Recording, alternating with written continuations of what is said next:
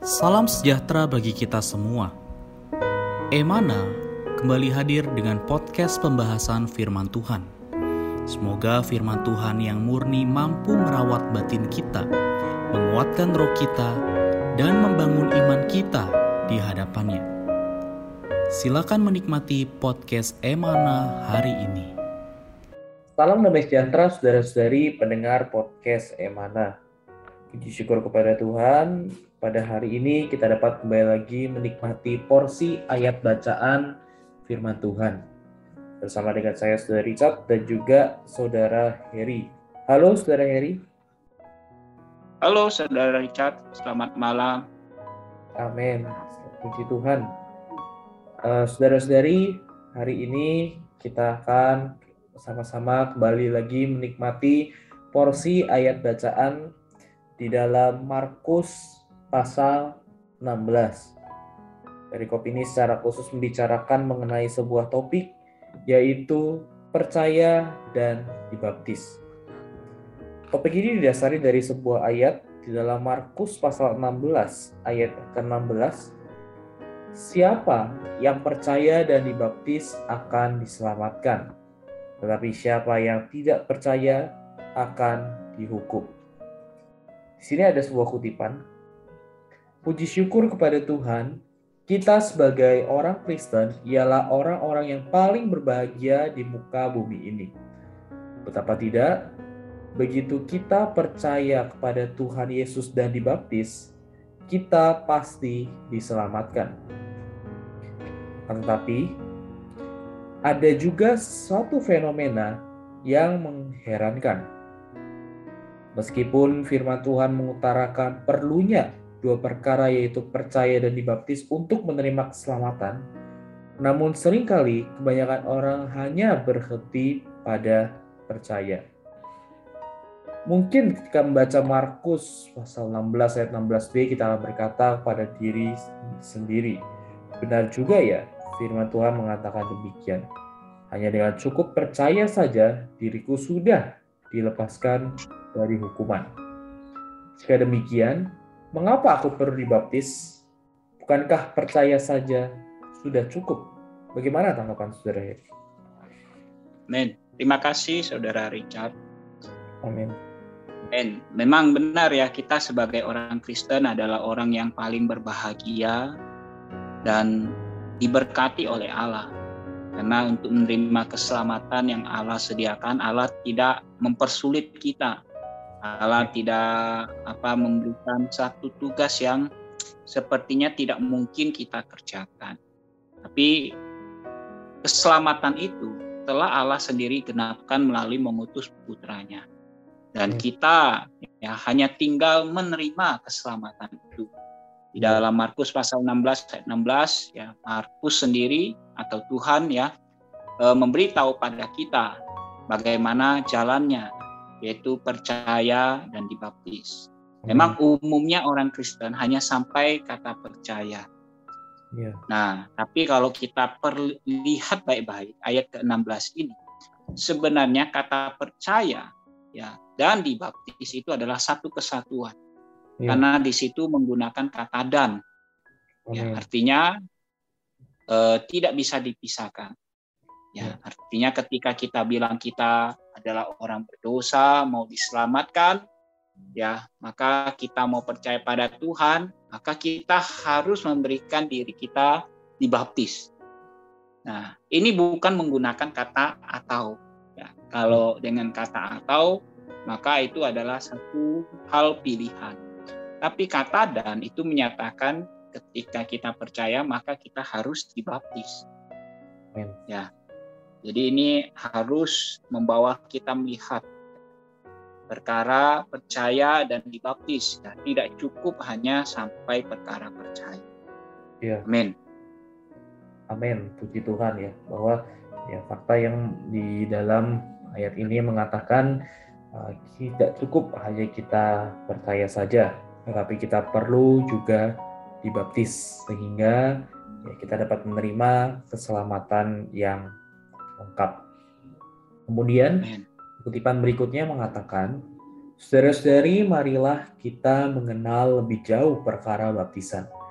Baptisan bukanlah suatu upacara ritual yang kosong, melainkan salah satu bagian dari satu langkah yang lengkap untuk menerima keselamatan penuh Allah.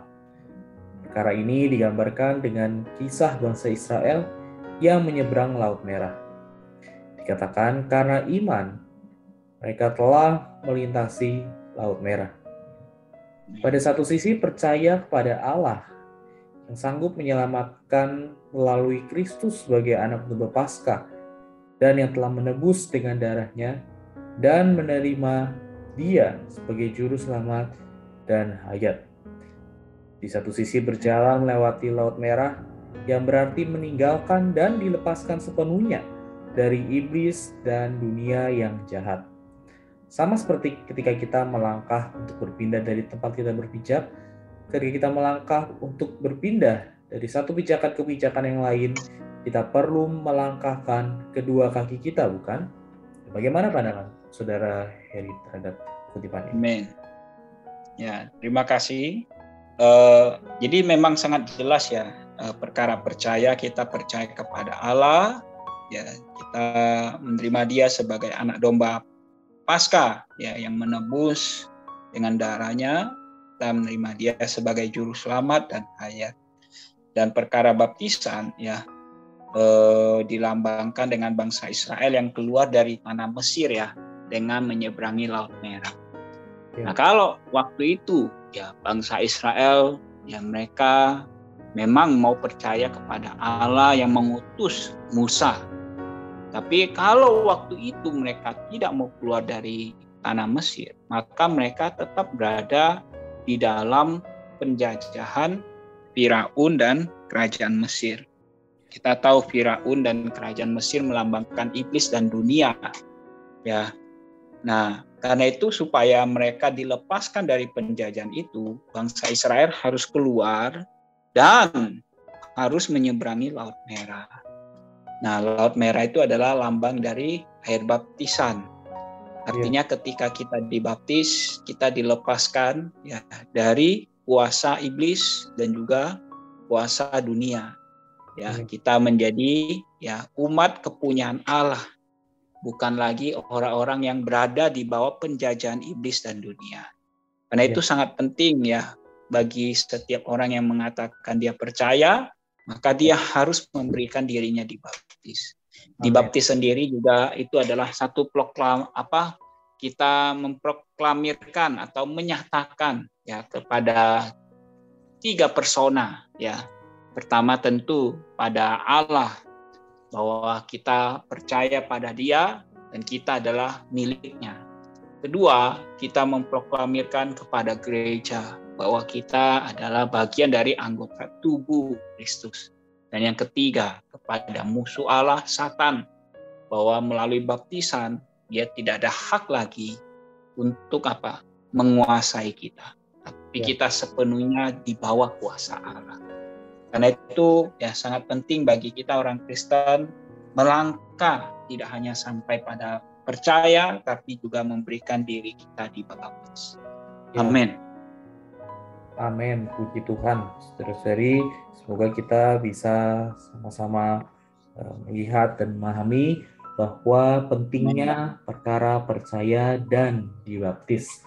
Sehingga demikian kita dapat mengalami satu keselamatan lengkap membawa kita berpindah dari kerajaan iblis, dari dunia yang jahat kepada kerajaan Allah.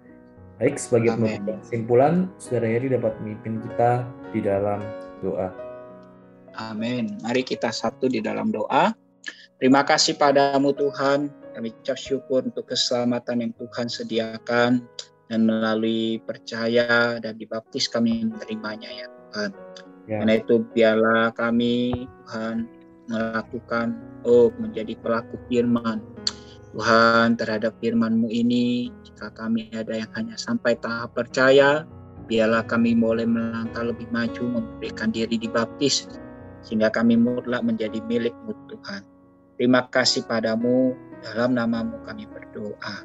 Amin. Amin. Puji Tuhan. Terima kasih Saudara Heri atas sharingnya hari ini. Tuhan Yesus memberkati. Amin. Tuhan Yesus memberkati. Sekian pembahasan firman porsi hari ini. Sampai jumpa di podcast berikutnya. Jangan lupa untuk download aplikasi Emana pada handphone Anda untuk manfaat yang lebih banyak. Tuhan Yesus memberkati.